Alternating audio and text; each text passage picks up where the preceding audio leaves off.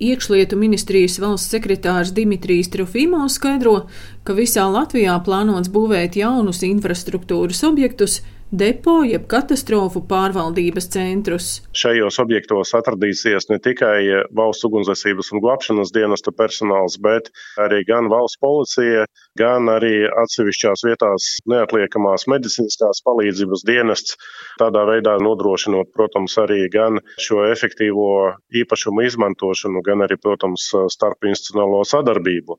Un šie astoņi objekti šobrīd tiek plānoti, par kuriem ir noslēgti līgumi uzņēmumi un eh, notiek visi darbi, lai uzsāktu jau arī praktisko būvniecību. Eh, tā ir Kandava, Saukrasti, Dagda, Iecava, Ilūkste, Priekule, Rujena un Aizpute. Šobrīd notiek pārunas par vēl deviņu centru būvniecības finansēšanu no atveseļošanas un noturības mehānisma.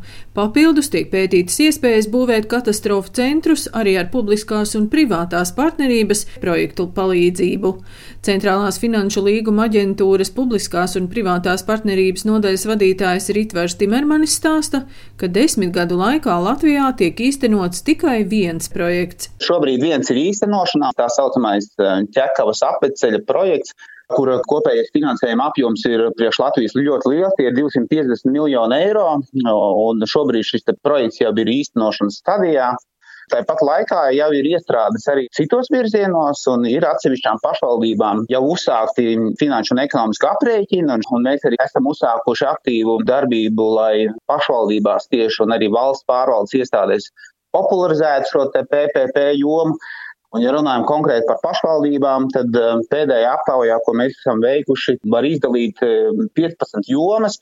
Populārākā tieši ir eh, šī sporta infrastruktūras joma, otrā populārākā ir ceļu infrastruktūras joma, tā skaitā apgaismojums, sporta trases, piemēram, turisma objekti. Kāpēc līdz šim publiskās privātās partnerības projekti Latvijā nav kļuvuši populāri? Ritvers Timermanis min divus iemeslus - trūkst informācijas un pieejams plašs Eiropas Savienības fonda finansējums.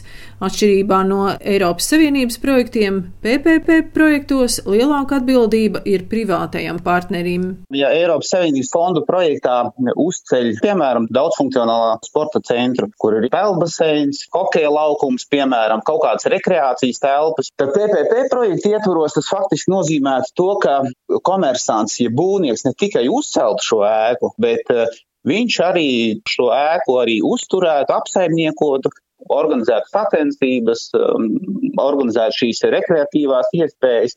Svetbanka galvenā ekonomiste Līva Zorgenfreja skaidro, ka publiskās un privātās partnerības projekti jau desmit gadus ir populāri Lietuvā. Lietuvā gan šie projekti nav lieli, nu, teiksim, mūsu ķekavas apceļš ir daudz lielāks projekts, bet eh, Lietuvā tas ir vairāk veids, kā izveidot sistēmu kā tādu, izveidot faktiski vietēju uzņēmumu bāzi, kas prot izpildīt eh, šādus eh, līgumus. Un, ja mēs skatāmies ietekmi uz ekonomiku, tad patiesībā mēs redzam, ka teiksim, Lietuvai, lai gan viņiem ir mazākas varbūt, publiskās investīcijas kā tādas nekā Latvijai un Igaunijai, bet tas ir tādēļ, ka liela daļa no projektiem ir arī šajā PPP pusē. Tā kā mēs runājam par PPP projektiem, tad tas ir faktiski tas ir veids, kādā finansēt investīcijas un nodrošināt to apsaimniekošanu. No valsts puses tas nerada tūlītējus logus budžetu, bet izstieptos maksājumus par būvēšanu un par uzturēšanu ļoti garā periodā. Un faktiski sanāk tā, ka privātais partneris uzņems lielāko daļu šī riska, un plus viņš nodrošina arī efektīvu saimniekošanu objektā ilgākā termiņā. Līva Zorganfrēja no Svedbanku uzsver arī riskus, kādi var būt gan no publiskā publiskā, gan privātā partnera puses. Ja, teiksim, ir pārāk strauji būvniecības izmaksu kāpums vai kaut kādas neparedzētas izmaksas, tad iespējams, ka šis projekts sadārdzinās un tas tad savukārt kļūst mazāk izdevīgi.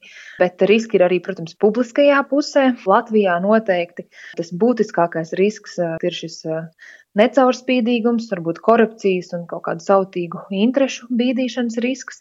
Ļoti iespējams, ka šī konkurence piesakoties uz šiem projektiem nav pietiekami liela, lai valsts varētu iegūt visoptimālāko šo cenu. Nākotnē publiskās un privātās partnerības projekti būs virziens, kā saglabāt publisko investīciju apjomu, bet vēl daudz darba jāiegulda sistēmas izveidē un projektu vērtēšanā. Daina Zalamane, Latvijas radio.